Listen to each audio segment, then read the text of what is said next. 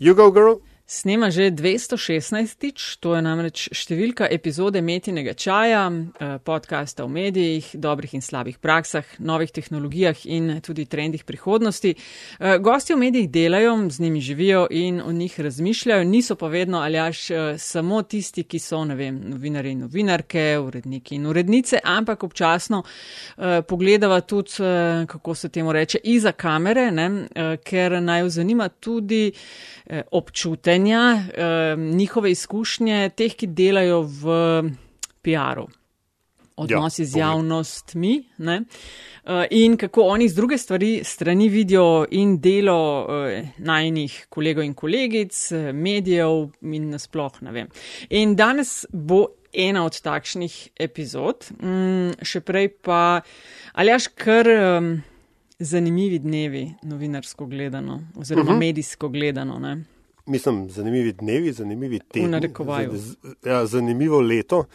Uh, človek v bistvu, tista klasična Murphyjeva, nikoli ni tako hodo, da ne bi moglo biti še huje, se pač izkazuje. In, uh, če koga še ni skrbelo, je zdaj čas, da vas začne skrbeti. To je vse, kar lahko v enem stavku o tem povem. In uh, deloma, ali pa vse čas, mi dva svaljaš o teh stvareh. Uh, menjavah na vrhovih medijskih družb in podobnem, uh, govorila že vse čas metinega čaja, opozarjala pred vem, stvarmi, ki jih delamo dobro, stvari, ki mogoče se dajo izboljšati in tudi, da uh, se mi zdi, da pa že mesece uh, sva govorila tudi o res zelo slabem, zelo slabem letu, ki je 2021. Um, ampak ok, o tom potom, česar se bova midva v tokratni epizodi lotila, je da želiva pogledati v ozadje, kako stvari delajo na Sursu in Fursu.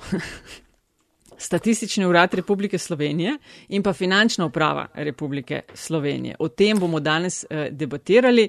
Tako da eh, lepa hvala za vašo družbo, lepa hvala za vprašanja ali pa predloge za goste, ki nam jih pošiljate in tudi za podporo metini listi. Zdaj pa bom počasi prepustila besedo Martinu Bajžlju, ki. Ja. Ne, hoč hotel si ti reči, da kar nadaljuj, tako dobro ti gre. Ful, ful. Martin Bajžel je naj gost, eh, on vodi PR na Statističnem uradu Republike Slovenije in pa stojen glavač, ki pa je kapoti banda na finančni upravi Republike Slovenije. Eh, lepo zdrav obema. Živijo. Pozdravljeni, živijo.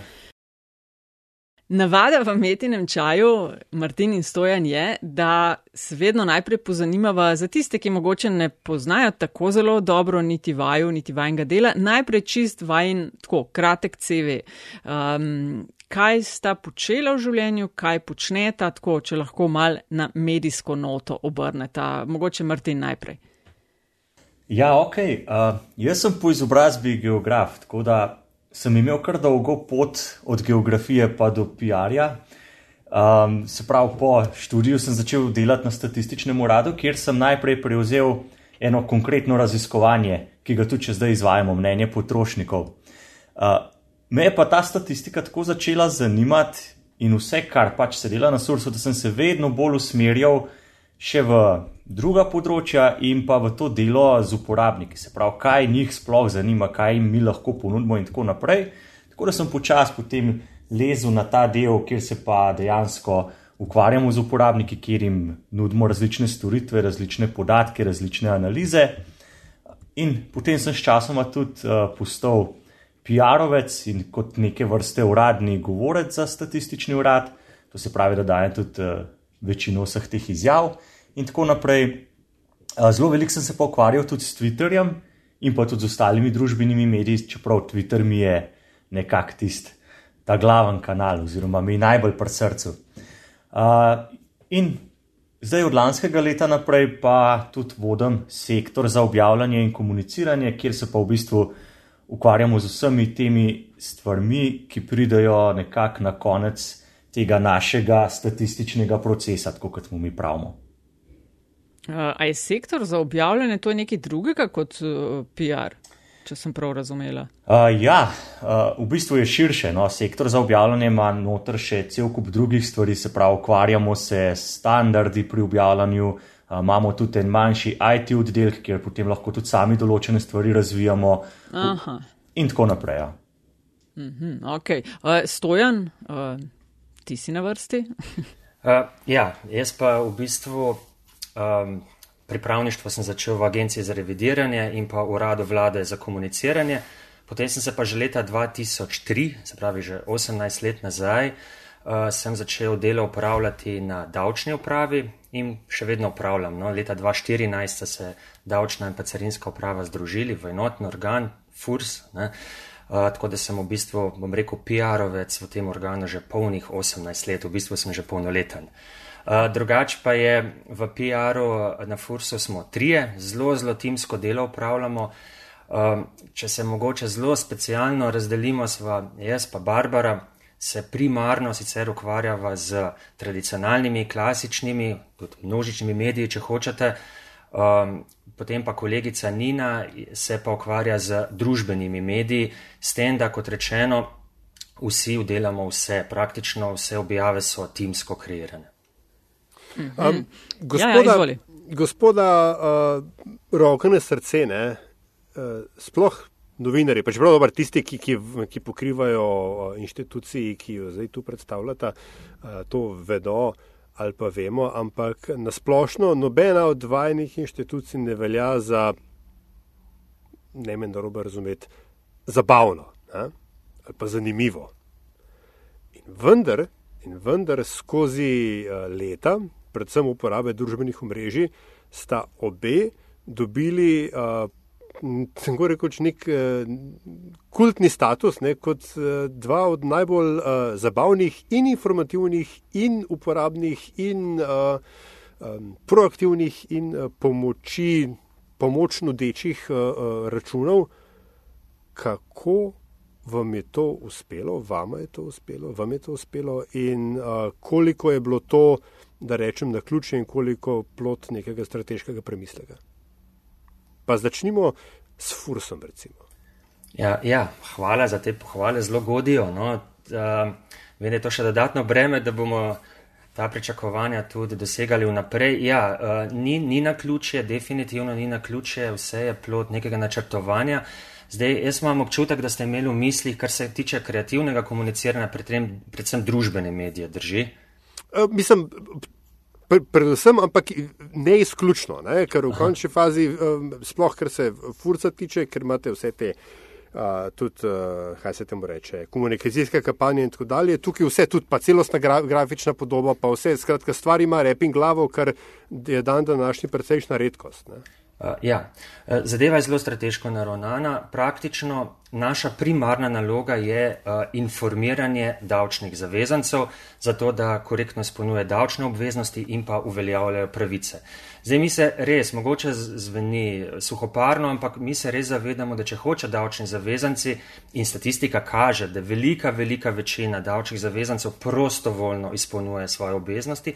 Skratka, če želimo, da bodo to počeli, mora biti zelo dobro informirani. Prvič, informacija mora do njih priti in drugič, to informacijo morajo razumeti. Ne?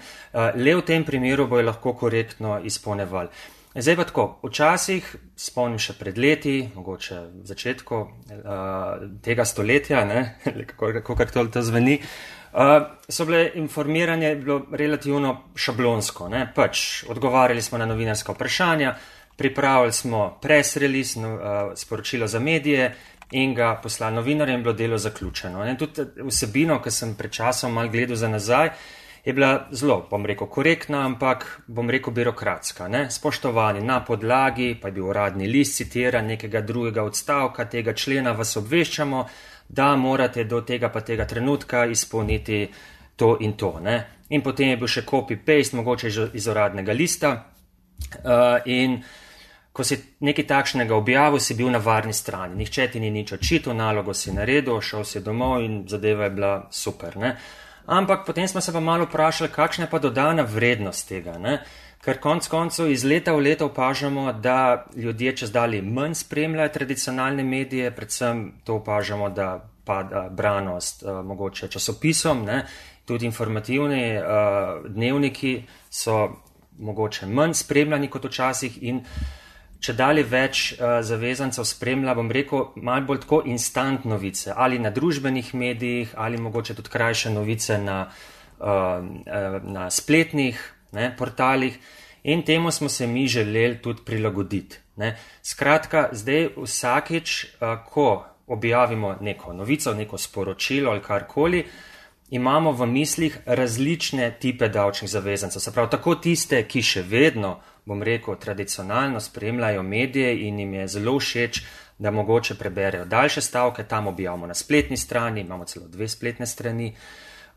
Potem za pripravo na kakšne druge medije zadevo že mal poljudno obrnemo, za nadružbene medije pa se pa res zelo, zelo potrudimo in objavimo objavo primerno ciljni javnosti, da bo prvič, da bo na družbenih medijih taka objava zanimiva, da bo prišla na zide, da si bodo retvitali, da si bojo pošiljali naprej in pa drugič, da bojo to objavo potem razumeli.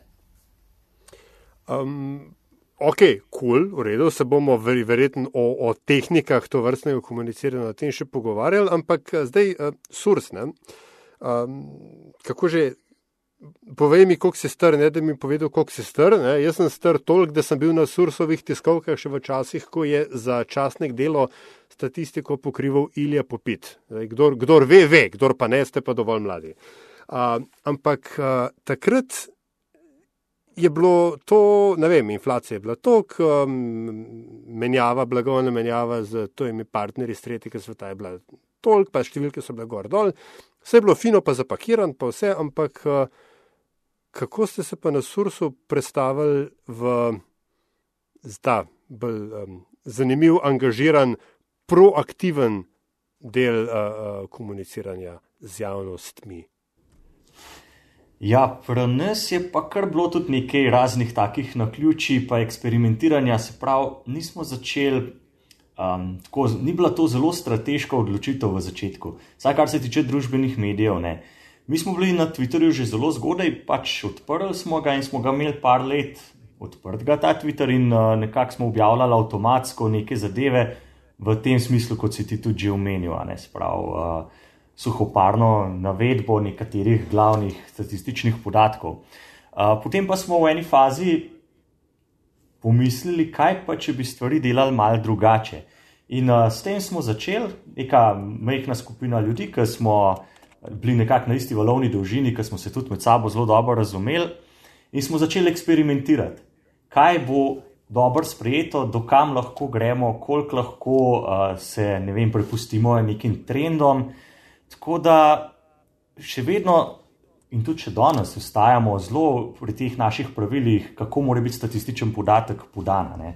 To se pravi, da je vse, kar se tiče samega podatka, da, so, da je to objektivno povedano, ampak uh, pripravimo pa neke take okoliščine, da vse skupaj malo bolj zabavno mogoče izpade, in pa zelo smo začeli paziti na to, da smo čim bolj aktualni.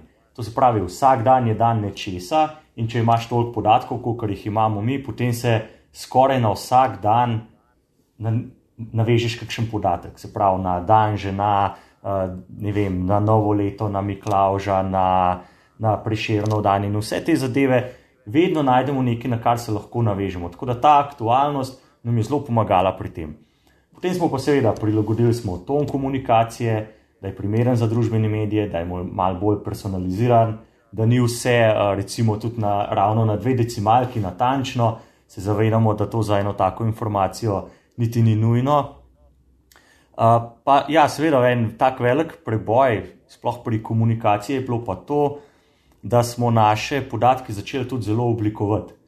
In v pravi, nekaj let nazaj, kakšne štiri leta nazaj, smo uspeli tudi dobiti uh, novega dizajnerja, ki nam je zelo pomagal pri oblikovanju vseh teh grafičnih elementov, kar pa seveda tudi zelo pomaga potem na družbenih medijih, sprav, da si bolj viden.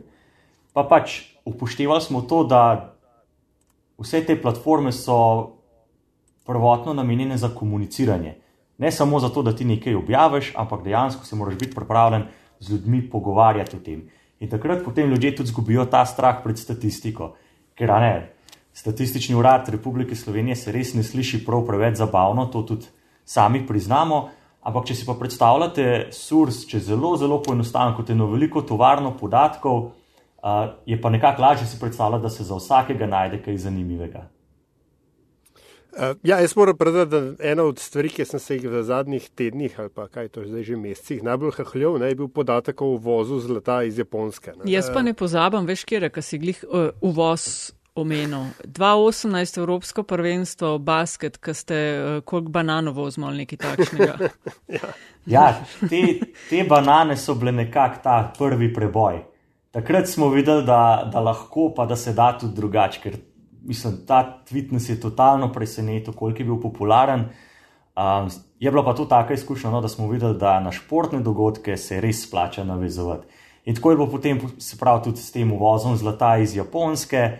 Pogledali smo ta prave podatke, se pravi, če imamo kaj uvoza žlahtnih kovin iz Japonske in smo ugotovili, da nimamo, potem pa začneš razmišljati v tej smeri, kako bi se lahko na to navezal in uh, smo za vsako medaljo malo popravili tabelo. Tako da aktualnost je, je zelo pomembna pri tem. Uh, no, ampak domnevam, ne, pa me boste popravila, gospoda, ne, če se motim, ampak um, na neki točki je vredno nekdo uh, malo više v tej prehrambeni lestvici uh, vajnih inštitucij prišel in rekel, kva se pa vi kladol greste. Uh, ja, lahko jaz najprej. Prosim. ne gre se sam za hierarhijo, ne? gre se za, bom rekel, celotno notranjo javnost. Ne? Recimo, če pogledam finančno pravo, pri nas je zaposlenih na vseh uradih po Sloveniji približno 3600 uslužbencev in A veste, to so včasih tudi kakšni uh, uslužbenci, ki so navajeni tega tradicionalnega, konzervativnega komuniciranja. Ne? In potem, recimo, če objavimo, mogoče objavo zelo, zelo poljudno, da ne rečem tudi zabavno na družbenih medijih, mogoče kdo ni najbolj vesel. Ne? Recimo se mogoče počuti tudi užaljenega v smislu, ja, kam smo pa padli, ne? če smo se pa zdaj na finančni upravi, ki je že po definiciji konzervativna institucija, spustili na takšen nivo komuniciranja. Ne? In jaz vedno, a veste pa, vse konc koncev javnost je različna, ne? imamo notranjo, imamo zunanjo. Ne? In uh, pohvale in kritike prihajajo z vseh strani. Na, na srečo moram potrkati, no, da je pohval mnogo, mnogo, mnogo več ne, kot kritik, ampak vseeno se pa najdejo. Zdaj, če je kritika konstruktivna, ne, da se nanaša na, ne vem, ali vsebino, ali na tip objave, ali na karkoli, to mi kupimo in smo zelo veseli. Kakršnih koli kritik, ker na, na podlagi teh kritik potem rastemo, ker jih popravljamo in tako naprej. Nekako me pa vedno prizadene, če so pa kritike pavšalne v smislu, ah, očitno imate na finančni upravi preveč časa, da af ne guncate in kaj podobnega. Ne? Uh, in jaz nekako takšnim ljudem, ne, se pravi, bodi si zavezancem ali ostali, strokovni, kakršni koli javnosti, vedno rečem, pogledajte, sej komuniciranje mi nismo prenesli vse na družbene medije, mi smo ohranili vse ostale komunikacijske kanale, ne, tiste, ki želijo, bom rekel, bolj uh, podrobno, uh, uradno, uh, natančno informacijo, je še vedno objavljena na spletni strani z vsemi uradnimi listi, linki in tako naprej. Ne, uh, tiste, ki pa želijo do informacije, uh, ki pa želijo drug tip informacije, ne, uh, smo pa potem prilagodili uh, tudi njim. Skratka, samo širili smo se, noben tip komunikacije pa nismo ukinili zaradi tega. Mhm. Eh, no, Martin, v bistvu je vprašanje za oba, ne? ker smo zdaj se pripeljali do teh družbenih omrežij. Eh, koliko časa vzame, mislim, ker je treba je razmisliti, kaj bomo, eh, pol verjetno gre še koga, ne vem, vprašati izven PR oddelka, morda, ne? a se to smije ali ne. Koliko časa vam vzame, recimo, družbena omrežja na dan uh, od oka? Ja, uh, to vzame kar velik časa. Zdaj, Mi, imamo, mi smo na Twitterju, na Instagramu, pa na Facebooku. Tako da dejansko zdaj imamo eno osebo, ki se praktično samo s tem ukvarja, ali pa recimo vsaj v večino časa. Uh, poleg tega, da seveda ne, tudi ta oseba ne more vsega sama narediti. Uh, tukaj zraven je potem še in lektura, in oblikovanje, in ja, treba je kdaj koga poklicati za nasvet, pa če je interpretacija pravilna in tako naprej. Ampak uh, časa na družbenih medijih lahko porabiš toliko, kot ga imaš.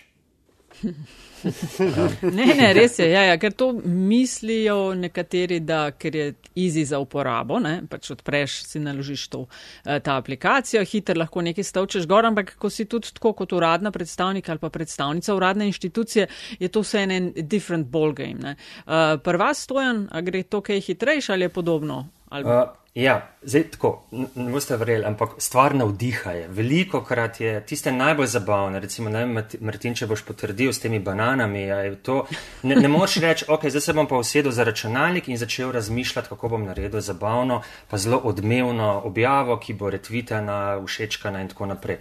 Veliko krat včasih, ne vem, dobiš idejo, ne vem, na kolesu, v fitnessu, prideš v službo, komi čakaš, da boš kolegicam povedal, ali pa kolegica pride, o, idem hiter še pred kavo, to morate slišati idejo. Ne. Skratka, ta, eh, recimo, če grem na ta nivo, ne, uh, ukvarjanje uh, z uh, kreativnimi objavami, to ni 8 ur samo v službi. Ne. To je, bom rekel, včasih res. Uh, popestri no, vsakdanje življenje in potem z takim veseljem prideš v službo, ker veš, da imaš dve, tri ideje, ki boš podiskutiral, vse včasih te potem mogoče na realna tla kdo postavi, a ne, ne, ne, to pa ni v redu. Ne.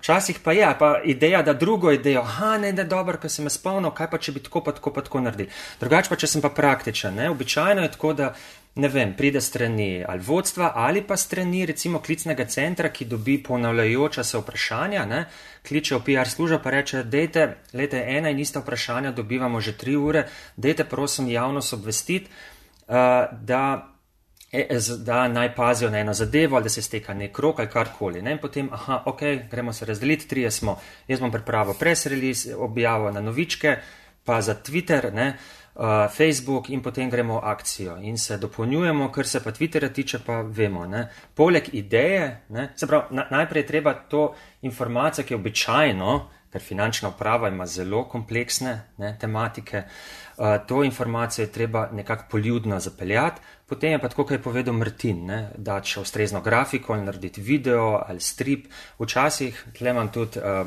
primere, mi smo že ne štiri pesmice, objavili, kolegica. Ja, res, če bo čas, bo mogoče eno prebral, imam tle pripravljeno na temo turističnih bonov, tako da kolegica včasih tudi pesmico napiše. Um, uganke, rebuse, infografike, tako da ja, zelo, zelo, zelo različno. Uh, se je pa že tako zgodilo, kot je Martin tudi povedal, včasih imamo po eno objavo na dan, včasih pa prije takšen trenutek, da imamo pa tudi tri, štiri objave. Ne? Takrat pa pač je ne mogoče vse narediti zelo, zelo zanimive, zabavne, ampak malo pogolfamo, pa mogoče damo tekst, pa kakšno simbolično fotografijo iz Big Stock ali kaj podobnega. Mm -hmm. Ful dobrih istočnic eh, si dal, ampak najprej, če oba dva, zdaj z Martinjem smo s temi bananami pa zlatom, pa mogoče še kakšen primer.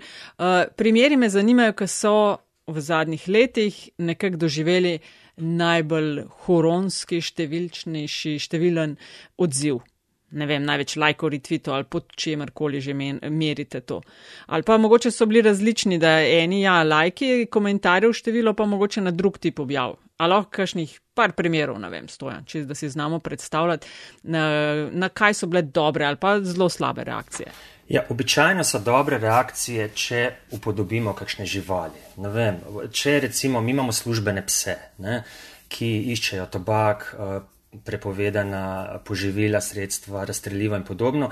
In če recimo, ne vem, ko smo dobili novega psa, ki se je ravno kar izšolo in smo objavili fotografijo psa, recimo v akciji, ali pa se spomnim, enkrat smo psa, uh, uh, ko smo zaželeli um, božične praznike in smo dali na psa to uh, kapo od božička. Ne, in še tam je nekaj iskov, neke prepovedane snovi, te živali so običajno, tam ne moreš zgrešiti. No, to so zelo, zelo, zelo popularne. Ne. Uh, in tudi, recimo, včasih, če hočemo kakšno zabavno uh, objavo, da veliko krat uporabljamo ta živalski svet, ali mucke, ali kuške, uh, ali ne vem, druge živali, to, to vedno bom rekel pali. No, tle, tle redko brcneš v temo, tle si kar na varni strani. Uh -huh. mm, Martin, prva še kakšni konkretni, razen že omenjenih primerov? Uh, ja, zdaj, če mal še razširim to z uvozom zlata iz, uh, iz Japonske, se pravi v tem obdobju, zdaj letošnjih olimpijskih iger smo imeli res take velike uspehe. Tako da na euforijo se nekako navezati, ker je že tako ali tako euforija huda v družbi zaradi uspehov. To, to se zmeraj splača. In nikoli mi ne bi, recimo, objavili samo, ne vem, čestitamo Jani Garambred za medaljo, ampak vedno poiščemo nekaj, kar vsaj malo diši po statistiki, da se lahko navežemo na to. In zdaj v zadnjem času je bil ta uh, tweet ob objavi, uh, se pravi ob zmagi Janja Garambred, ko je dobila zlato medaljo. Ta je dobil skoraj 700 lajkov, pa več kot 100 retweetov in še ne vem koliko komentarjev. Potem ta tweet je bil tudi, se pravi, mediji so ga zelo povzemali. Uh, mi smo pa napisali, zdaj za tiste, ki morda ga še niso prebrali, v bistvu smo napisali tako: najprej smo dali statistični podatek, da imamo v Sloveniji 25.680 kos, ampak da pa ne vemo, če je med temi pomotoma všteta tudi kakšna gorska. Smo pa prepričani, da se prav nobena v steni ne znajde tako dobro kot naša zlata Janja Garambred ki si pa brez dvoma zasluži, zasluži naziv GOAT, se pravi Greatest of All Time. Uh, tako da ideja za ta tweet je hitro padla, smo ga pa kar nekaj časa smo tekst oblikovali, ker uh, je bilo treba nekako tako zapeljati, da ne rečemo ravno Jani Garambred koza, ne? to nekako ne bi šlo, ampak je treba uh, napeljati na, na en tak mal, uh, da se ne razume slučajno v, v napačnem smislu. Čakaj, ampak, ampak, oprosti, ampak a se jaz prav spomnim, da je bilo kljub vsemu, kljub vsemu temu trudu, še, se je še vedno naj, najdu nek, neka podmnožica ljudi, ki so se ob to kozo spotaknili. Ja, veš da. Uh, pa na našem profilu mislim, da ne. To je Aha, bilo pa takrat, pa vem, da je bilo v medijih to omenjeno, da je takrat prišel ima celo en komentator to izrekel najprej. Da ja, to, to, to, ja, da je bilo ja, neko ja, nerazumevanje. Ja, ja, ja, ja, ja, Ampak pri nas smo pa nekako toliko jasno napisali, da ni bilo. Tle, tukaj res mislim, da ni bilo niti enega ja, negativnega ja, komentarja. Tako, tako, tako. A, in tudi lahko, tako kot je že stojan rekel, tudi lahko za nas rečem, da res v veliki, veliki večini a, smo deležni pozitivnih komentarjev pa pohval.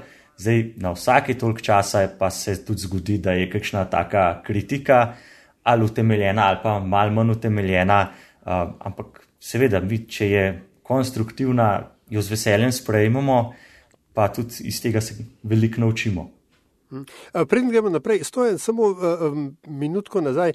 Sem prav v bistvu razumel, da imate vi na Fursu neke vrste um, rapid, da ste neke, neke vrste rapid response unit.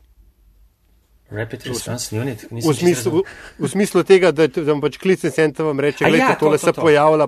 Mislim, to je, je v bistvu kar velika odgovornost, pa stresen, domnevam, kar precej stresen del va, vaš, vašega vsakdana.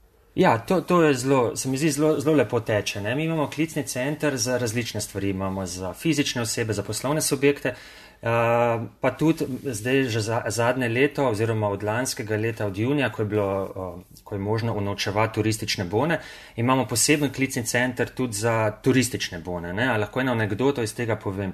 Uh, ja, uh, tega ni dolgo nazaj, ne? dobimo iz klicnega centra klic, da.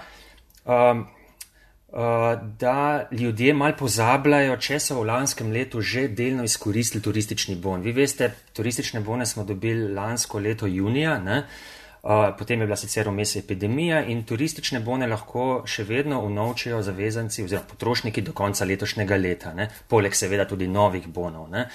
Zdaj pa eni so jih izkoristili lani, julija, avgusta, pa so mal, mogoče so ga izkoristili v manjšem deležu in so mal pozabili. Ne? In potem je mal nerodno, ko pridejo na recepcijo in ugotovijo, da nimajo še bona v celotni vrednosti. Ne? Potem so klici na naš klicni center, koliko še imam tega bona, ali mi lahko poveste in tako naprej. No? In pa smo dobili z klicnega centra, dejte prosim skomunicirati, da lahko stanje svojega bona vidijo na svojem mobilnem telefonu v aplikaciji e-davki, z dvema klikoma in je stanje um, pač vidno smo rekli, ok, bomo skomunicirali in kolegica na družbenih medijih rekla, o, na, a se pravi, prihaja tudi situacija, na, ko, pač uh, stresne situacije na recepciji, ne, ko prijeta partnerja, pa recimo žena ne ve, da je mož izkoristil bon, ne, pa je pa slaba volja. Pa kje ga izkoristil, kar bon, turistični se pa lahko nauči samo za nočitve, ne? za nočitve zajtrkov, tako da je mogoče še zna biti kar pestro. No, in je potem kolegica dobila zelo hiter navdih, ne? prej smo rekli, koliko truda je v to loženga, in smo naredili en strip. Uh, Šlo je pa nekako tako, gor je bilo napis, ali ste morda pozabili, na, da ste že vnočili bon, to lahko vedno preverite v mobilni aplikaciji e-davki. Spodaj smo dali pa strip iz dveh slikc. Ne? Na prvem je, bila, je bil en tak mucek, se pravi samička, zelo tako pokorno gleda, prosi in zgor je napis, moja žena, ko želi na vikend oddih. Ne? Potem pa druga slikca pa tega mačka, ki je pa zelo razjarjena, ne? ta kaže zobe in piha in gor napis: Moja žena, ko na recepciji izve, da sem bon že v celoti unovčil nekje drugje. Ne. Uh, skratka, to je bilo tako zelo zabavno, ampak ne boste verjeli, ne, najdu se je tudi kakšen posameznik, um, ki je rekel, da smo mogoče mal šovinistični, da smo prikazali žensko, ki je manipulativna in pa histerična. Čeprav to res ni bil namen, no. um, nikakor ne, vsi smo želeli vse najboljše, ampak ja, poleg nešteto dobrih odzivov se vedno najde tudi kakšen kritičen. A se, a se lahko samo jaz navežem na to, kar je Stojan zdaj povedal, uh, ker smo se tudi enkrat tako upekli z najboljšimi nameni. In uh, tako kot verjetno veste, statistika se mora podajati zelo objektivno, to se pravi, vedno pazimo, da uh, nekako ne presojemo, je kakšen podatek dober ali slab in tako naprej. In potem smo imeli pripravljene podatke, ki bi jih objavili za uh, dan moških. In med drugim je bilo tudi nekaj o podatkov o tem, v kakšni fizični formi so moški, se pravi po indeksu telesne mase. Tako da je bilo od uh, teh uh, podhranjenih, pa najvišja kategorija je, koliko odstotkov jih je debelih. In ko smo to objavili, pač z dokaj smešno grafiko, je bilo vse v redu. Ker pa smo potem isti koncept ubrali še za dan žena, si pa lahko predstavljate, da, da pa ni bilo tako v redu. C, c, c, c, to je pa ruki mistake. Ja, to je pa. Martin, ampak, Martina, ste potem umaknili to objavo ali ste popustili še gor, kako ste odreagirali v taki situaciji? A, ne, nismo jo umaknili, smo pa pojasnili in potem so se stvari kar hitro umirile, no, ni bilo neke, nekega hudega pogroma.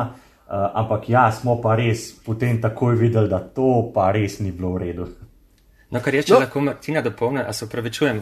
Ja, kar, kar. Ja, zelo podobno situacijo. Ne? Tako kot prej, recimo smo dobili iz uh, naših uradov, iz klicnih centrov in podobno, da se nabirajo gužve, ne? kolone na uh, okencih v glavnih pisarnah uradov.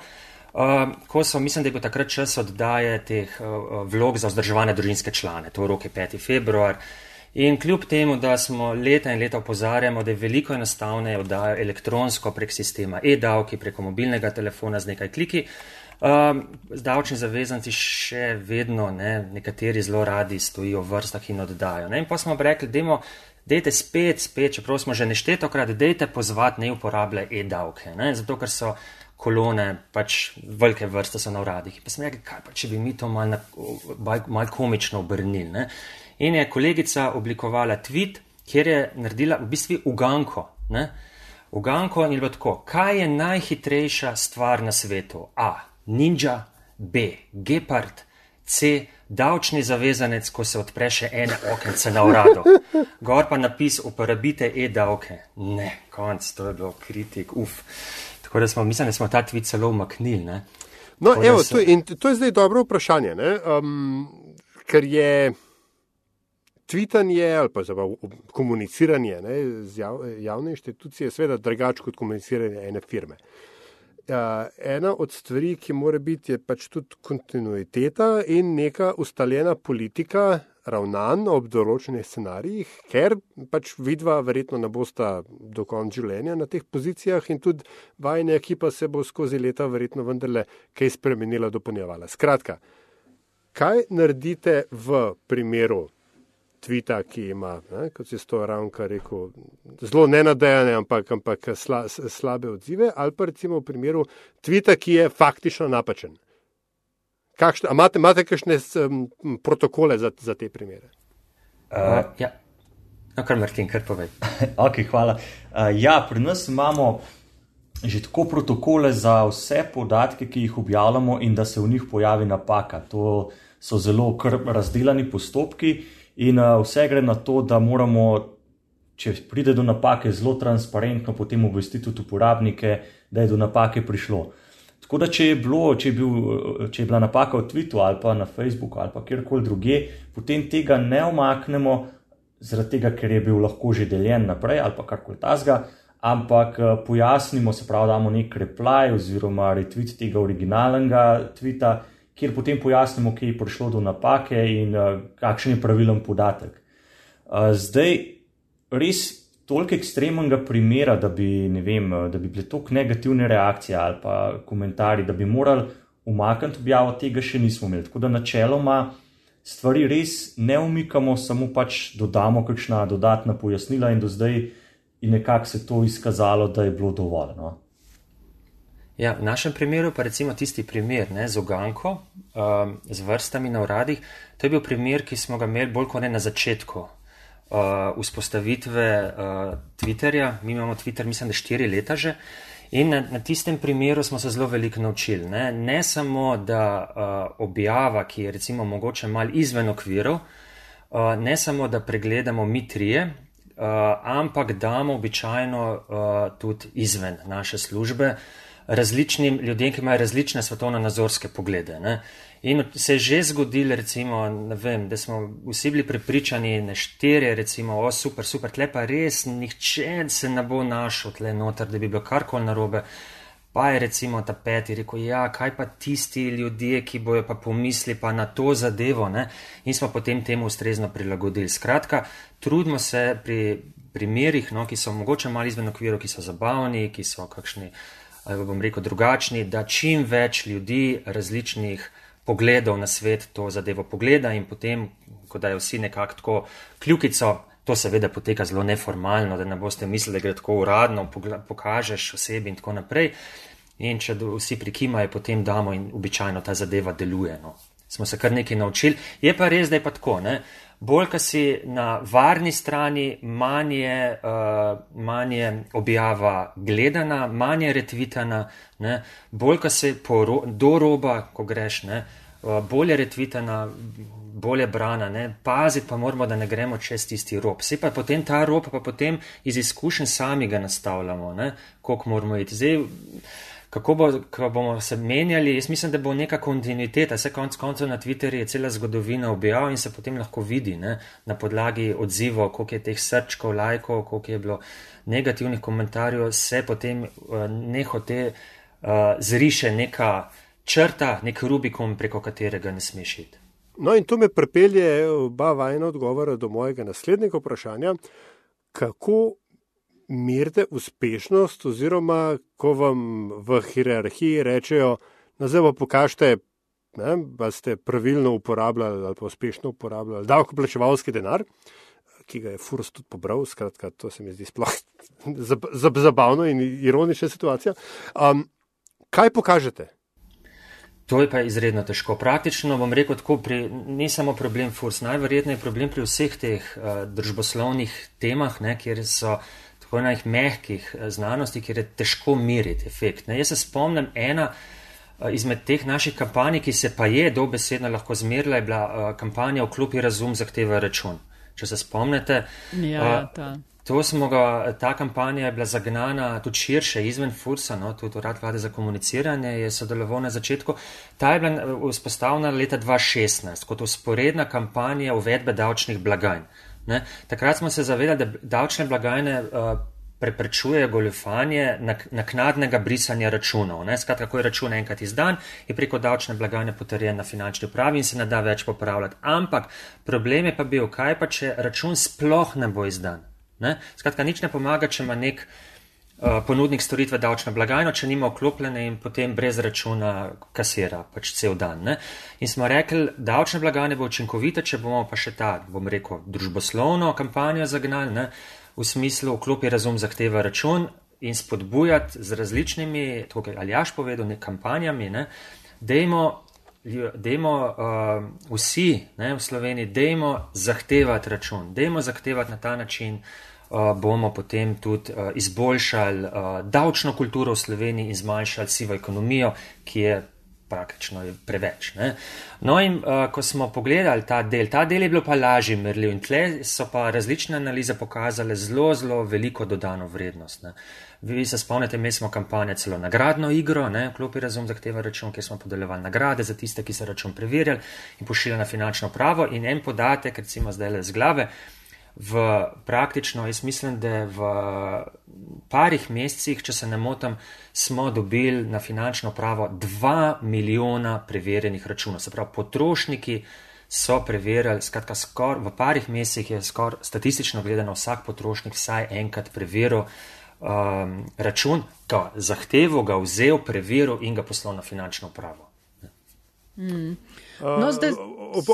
Prosti, sem to, Martin, ja. kako pa to prvo zgleda, ker um, ja, SURS nima nekih, nekih širših kampanj uh, informiranja in, in, in ozaveščanja, ampak kaj, pride, pridete vsak mesec s številkami, imamo, ne vem, 150 novih followerjev ali je bolj pomemben, da uh, ne vem, šef enega drugega organa, šef SURS reče, hej, stari, tvoji pa res dobro komunicirajo. ja, no, uh, za SURS mislim, da se že spodobi, da vse izmeri, tako da merimo tudi naše uspehe. Sprav spremljamo vso analitiko, ki jo že ponujajo vse te platforme. Uh, iz tega potem tudi delamo poročila in za vodstvo in jih vključujemo tudi v, v poročila o delovanju SURS-a. Tako da tukaj imamo vso analizo, spremljamo zadovoljstvo naših uporabnikov, se pravi, tudi uh, uporabnike, ki nas sledijo na družbenih omrežjih, spremljamo, koliko so oni zadovoljni z našim delom. Uh, tudi, kar se tiče širše, glede medijev, spremljamo seveda tudi vse ostale zadeve, koliko se pojavljamo na spletu, koliko je člankov objavljenih in vse te zadeve potem na koncu združimo v neko poročilo. Tako da cel kup je ene te analitike, ki nam potem pokaže, koliko smo dejansko bili uspešni, kje stvari so uh, delovale in kje se moramo mogoče še izboljšati.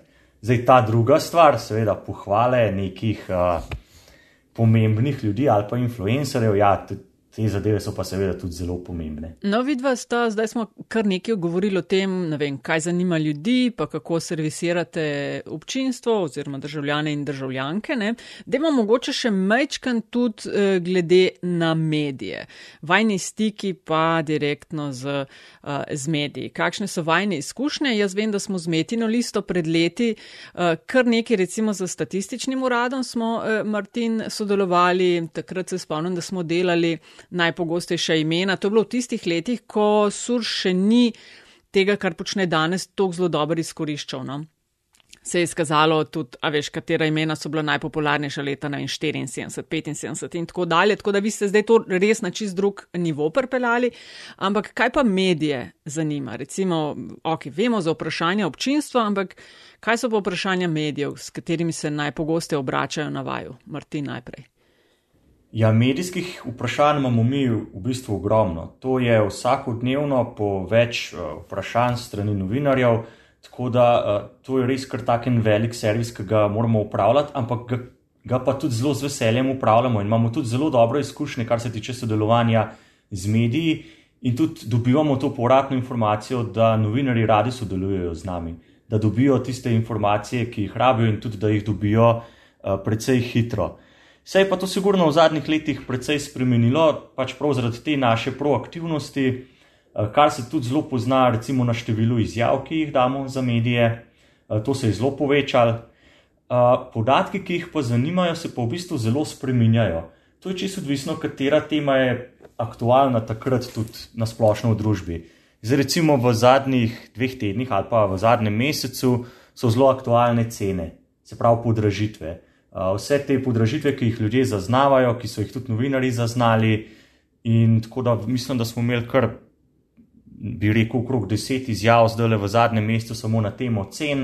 Uh, se pa to seveda zelo spreminja. Zdaj na splošno so pa te bolj popularne vsebine, uh, tudi pri splošni javnosti, recimo, so uh, imena in priimki, to je ena taka, to je tak statistični sladkorček. Uh, so pa veliko povpraševanje tudi po plačah, po inflaciji, pa uh, tudi po GDP-ju, se pravi, kot neki te ključni naši kazalniki. Pa demografija je pa, demografija je pa itak tako področje, ki največ ljudi zanima, ker so uh, recimo temu taki podatki, s katerimi se najlažje tudi osebno povežemo. Ja, stojam pri vas. Uh, ja, pri nas je podobno. Na, ja, odnos do medijev je, bom rekel, fantastičen. Res, uh, uh, ja, okay, se srce... ne da delata v PR-u. Ne, ja, to, to povem iz srca. Zakaj? Zato, ker uh, v bistvu odnos res gledamo kot recipročen. En brez drugega ne moramo. Ne?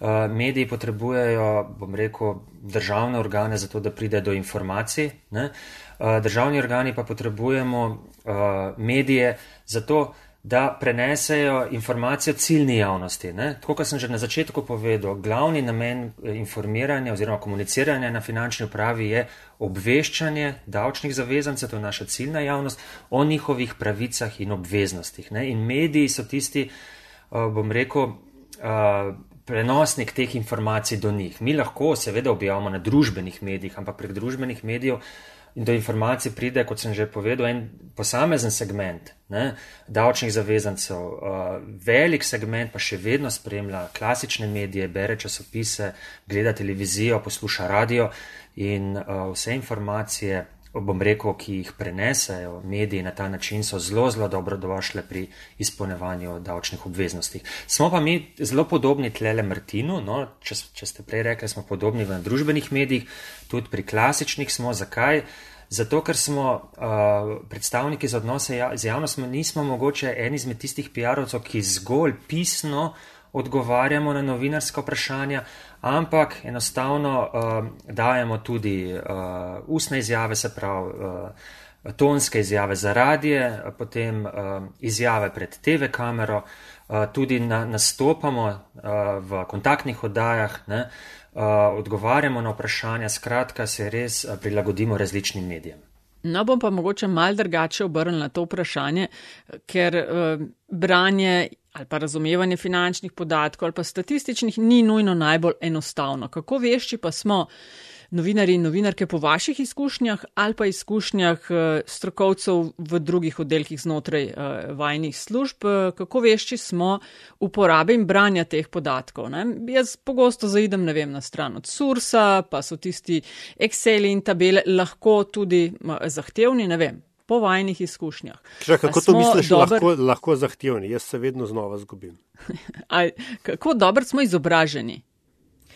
Ja, glede tega. Mi se zavedamo, da uh, je težko brati to našo podatkovno bazo, v kateri je milijarda podatkov, uh, da jo težko isto bere nekdo, ki dela druge stvari, kot pa mi, ki jo gledamo vsak dan. Tako da uh, smo pripravljeni na to, da vedno pri tem pomagamo.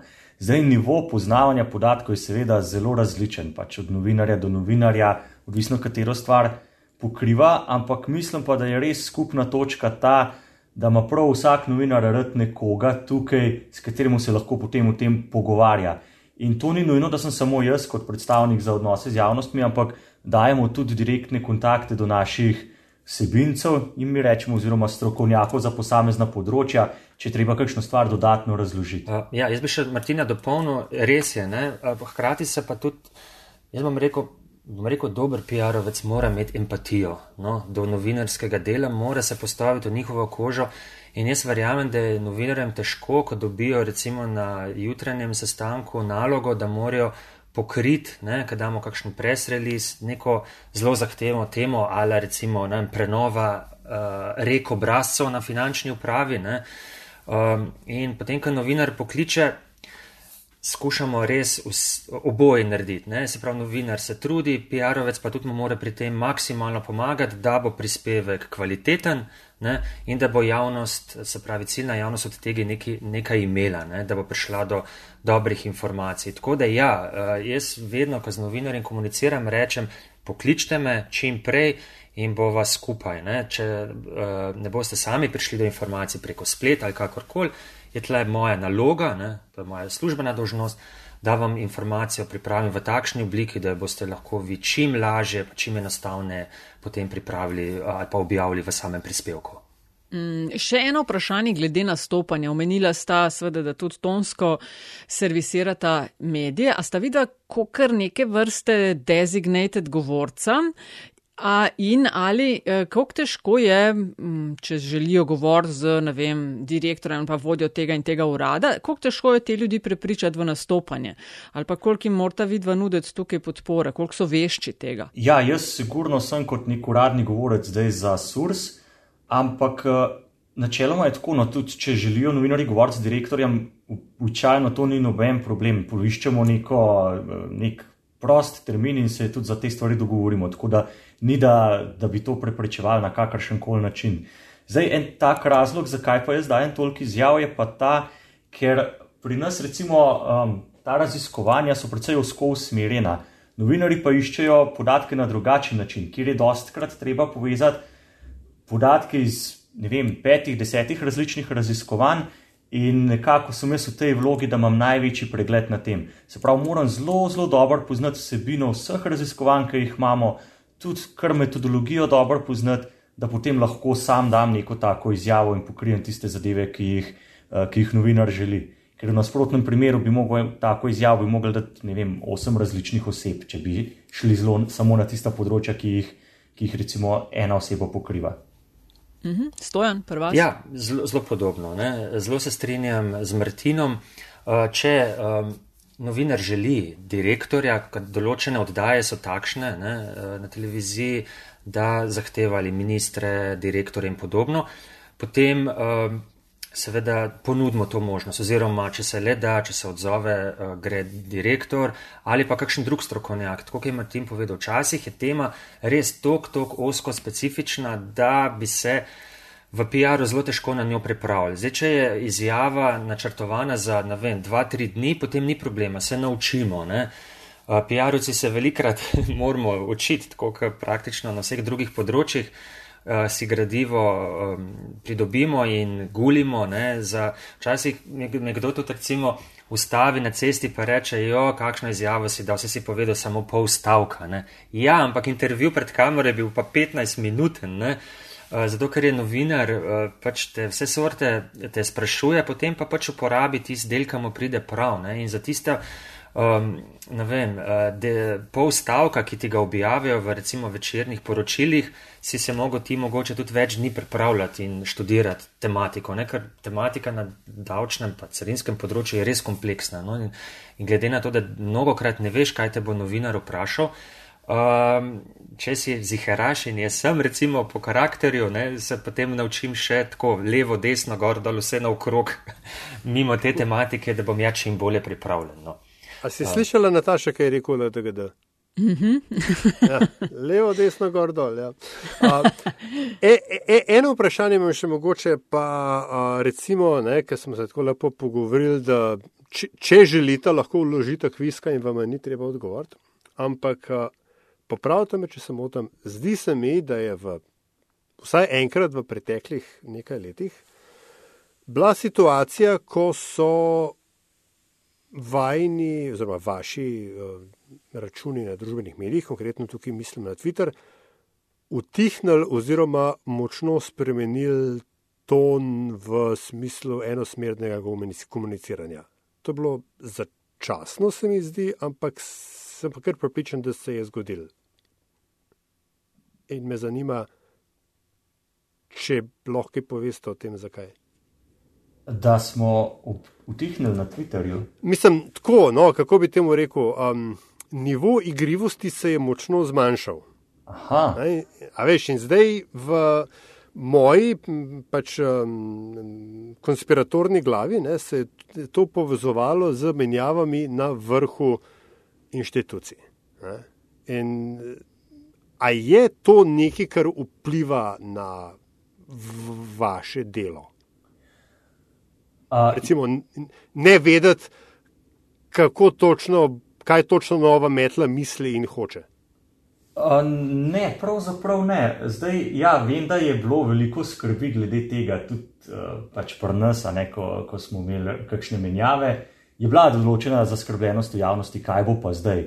Uh, ampak mislim, da tudi mi na PR-u in ostali strokovnjaki delajo svoje delo ob takih menjavah popolnoma isto naprej kot prej. Zdaj, nekaj takega strahu, samo zaradi tega, ker je bila menjava ni, da bi zaradi tega spremenili, ne vem, naš ton komunikacije. Zdaj, da bi pa prihajali do takšnih lukenj vmes, pa niti ne vem, no, mislim. Včasih je kar težko ta nivo vzdržati vse čas. In zdaj, recimo, zdaj smo imeli ta moment olimpijskih iger, pa smo bili grozen izpostavljeni. Ampak zdaj je to menil, pa spet potem malo potihne. Ko bo pa kakšna druga priložnost, bo pa spet uh, malo bolj se vse skupaj to dvignilo. Tako da mogoče že zaradi tega lahko rečem, da ni uh, čist ravna premica, kar se tiče tega našega komuniciranja, ampak so seveda nihanja, ko, ko smo malo bolj, uh, mal bolj potihnemo, pa se spet malo bolj dvignemo. Tako da jaz mislim, da, da so bolj take situacije, ki vplivajo na to. No? Ja, pa jaz bi mogoče še eno situacijo, če se strinjam z Martinom, pa mogoče še en nivo, recimo zelo, zelo taka zadeva, ki se mogoče ne govori to, ki je pa res nevarna, je samo cenzura, avtocenzura. Ne? Včasih, ko naletimo na kakšno, oziroma ko damo neko objavo, s katero se opečemo, ne? če sem mogoče zelo plastičen, ko smo šli mogoče res čez rob, potem to res vpliva na nadaljne eh, objave. Ne? Potem se nekje ta strah mal eh, pride v kri in res ubija kreativnost. Ne? Um, mogoče je to včasih dobro, ampak nastane pa lahko problem, uh, če si zaradi tega potem deluješ preveč ziharaško, preveč, bom rekel, da si na tisti varni strani, um, posledično in potem šepa no, ta res uh, uh, obiskanost in pa branost teh objav. Mm, bolj kot je PC, bolj se pozna. Ja, ja, izvoli, Martin. Uh, sem samo hotel dodati, da se to tudi ja, zelo strinjam s Stojanom. Se pravi, ko se upečeš, ponavadi uh, se mečkam potem mogoče potuhneš, oziroma ne v tem smislu, da ne bi več objavljal, ampak si, greš malo bolj nazaj na on the safe side uh, in potem spet začneš od novega graditi neko tako zadevo. Ja, je kar zanimiva igra tole, ali ni? Sam te ti računa ne zaklenejo. Ne? Ah, to, pa naj, to pa najbrž name leti. Ne? Noč nisem rekel. Imam jaz eno anegdoto na to temo pripravljeno, če bo čas glede zaklepanja računa. Čas je, izvoli. Ja, skratka, to se je pa nam res zgodilo. No? Ne vem, če, če sta to namigovala ali pa dejansko res. Seveda, nam... seveda, seveda sem, zloben Aha. sem, tak sem. Ja, kaj se je zgodilo? Um, namreč. Um, To se, to se je zgodilo lansko leto, mislim, da je bilo tam uh, sredi leta, bili smo ravno sredi kampanje vnočevanja turističnih bonov. Uh, no, to bi še pomenilo, da davčna tematika, carinska in ostala tematika je zelo kompleksna in včasih smo res, uh, jo vse možgane napenjamo, kako bi zanimivo objavo naredili. Uh, Ko so pa prišli turistični boni, ne, to je bila pa za nas wow, ne, tam smo si pa dali duška, tematika je bolj ljudska, lažja je, nova je, ne, praktično smo urali ledino na tem področju in smo res, res eh, prav veseli bilo komunicirati to tematiko. No in kaj se nam je zgodilo? Sredi vsega tega zagona uh, smo, ja, eden od nas, treh, no, ki se ukvarjamo s tem komuniciranjem, smo šli nastavitve profila gledati na Twitterju. In smo se začudili, pa zakaj imamo tam dan ustanovitve 1900 in ne vem kaj, skratka, nekdo je svoj eh, letnik uh, rojstva not unesel, pa smo rekli, pa čakajte, se finančna prava je pa nastala leta 2014, ne? pa dajmo ta datum raj notar popraviti. Ne? In potem popravimo 2014, kliknemo shrani in potem sam napis. Glede na to, da ste mladoletna oseba, smo, vam, smo vas vrgli ven iz profila. Konc, nobenega unduja, nič nismo mogli narediti. On povem, kurja pot po celem telesu, upsi. Uh, in potem smo uh, čisto na novo, potem smo mogli, uh, tam je sicer so neko navodila na Twitterju, uh, osebne izkaznice, no, prošne pošiljati, ja, mislim, da na Irsko, če se namotam. Skratka, ne boste verjeli, en mesec je trajal, da smo spet prišli nazaj. Vmes so bile že neke teorije zarote, vlada jih je zaprla in ne vem kaj. No in potem um, smo se pa, vedeli smo, da bomo pač nazaj enkrat prišli, prišli smo in smo naredili tako bombastično objavo. Smo napisali, vrnili smo se in smo naredili en tak. Um, kolaž, uh, onga lesi se vrača, sliko Arnolda Schwarzeneggera, Albi Beck, pa Michaela Jordana, eh, ki se je vrnil in gor napisal, vsi smo se vrnili. In ti se je odmevno, to je bilo všeč, kako smo hoteli, res super je bilo. No. Zdaj za nazaj se smejim, ampak takrat pa verjemite mi, to je bilo res stresno. Vsi predstavljam, ja, čist zlahka. E, stojan, um, a veš, kaj si še dolžan? Kot ogrevanje pred zanimivostjo. Um, s katero zaključujemo metine čaje. Omenijo si pesmico, turistični boni. Ja. Sej to ni mišljeno kot zanimivost, ne še, ali je? Ma kaj pa vem, lahko pa. Le, lete takole, ne? tako kot sem povedal, včasih dobimo uh, strani uradov, klicnega centra ali strani vodstva, dajte malo skomunicirati. No, pri turističnih bonih je bilo kup enih takih, bom rekel, takih nasvetov, recimo, kako je najbolj racionalno bono naučiti in tako naprej. Ne? Boni so se prenašali, veste, med družinskimi člani, kje se lahko prenašajo. No, in ena izmed teh stvari, ki jih mogoče javnost ni najbolj vedla, je, da lahko z bonom tudi počastiš. Ne? Prijatelja, ni treba ravno tistega, kateremu bom prenašaš, lahko tudi sorodnika, prijatelja, če skupaj prenočita recimo na, v nekem, neki nastanitvi in potem, če z istim uh, uh, računom je to plačano, lahko naučiš en bon ne? za obe nočitve. No in se rekli, dajte to skomunicirati. In je potem kolegica rekla, jo, se pravi, tukaj imamo pač, uh, da nekoga počastiš, imamo nočitve, uh, imamo prijatelje, kaj pa če bi eno pesmico na to temo, pa da ne damo običen press release, bi pa pesmica. Pa če dovolite, se ima vse relativno kratka, pa če preberem, takole gre. Zdaj je končno tu poletje in prijeli smo še dobro imetje. Le kje boste vikend preživeli, se s prijatelji ali družino lepo imeli? Nismo prepričani, če ste to vedeli vsi, da prijatelja lahko častite tudi vi. Za nočitev lahko le svoj bono naučite, čeprav vsi v eni nastavitvi prespite. Kaj vas torej še zavira? Vaš prijatelj, ki to bere, gotovo že pakira. Kjerkoli že boste, pa bomo veseli, če kakšno fotografijo boste posneli. Jo nam poslali ali v komentarju delili in naše delovne dni popestrili. Čudovita interpretacija, stojan. Ja, hvala. Kolegica Nina je to sestavila, no, ona je res uh, tovarna ideja, no, in tako da, ja, zelo smo bili veseli. No. Ej, lepa, lepa, lepa, hvala vama obema. Ali jaš gremo lahko na zanimivost? Ja, še, prosim. Še kaj, ne, ne, ne, to je to. to, je to. Ja, su, super zanimiva sta bila, eh, ampak na koncu pač je takšna navada v metinem čaju, da gosta vedno povprašamo potem, da z nami delijo ali kakšno zgodbo, priporočilo, anegdoto, s čimer sta nam eh, vidva oba radodarno že postregla, ne? ampak vseen, eh, to je moment, ko lahko poveste še kaj, kar mogoče eh, nista. Ne? Martin, izvoli. Ja, tega je res kar velik. Ampak uh, najbolj se mi zdi, da še vseeno presenetijo, kakšni podatki, ki jih odkriješ, ki bi bil, po mojem, res čisto vsak PR-ovec vesel. In to so predvsem podatki iz uh, dolge zgodovine Sursa, kaj vse smo mi včasih zbirali in se lahko samo sprašujemo, zakaj smo to zbirali. Zdaj, na primer, včasih, in to smo kar 39 let spremljali, smo spremljali količino doma pridelane mezge iz sliv. In uh, v 39 letih smo jo pridelali več kot 9000 ton.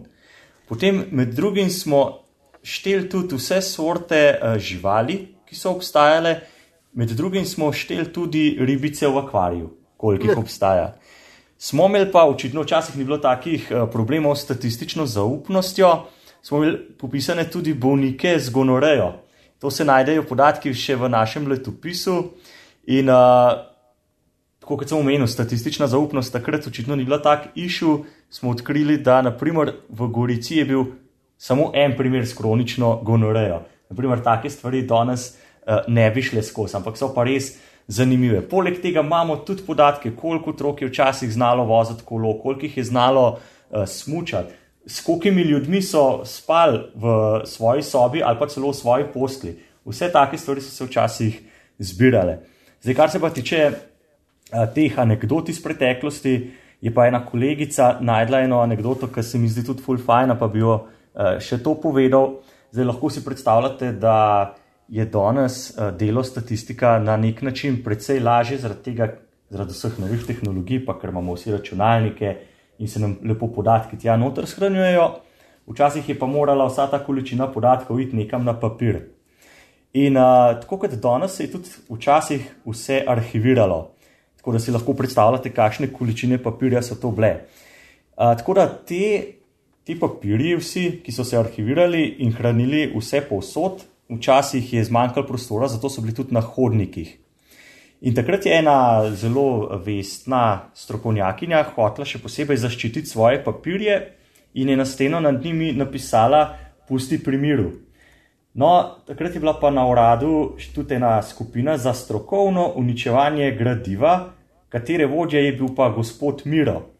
In ko je to snažilka videla, se pravi ta kup papirja in pisalo je gor, pusti pri miru, je te papirje odnesla gospodu miru v to službo za uničevanje, ki je bila pa lih tisti dan strašno efektivna, tako da so vse tiste papirje uničili.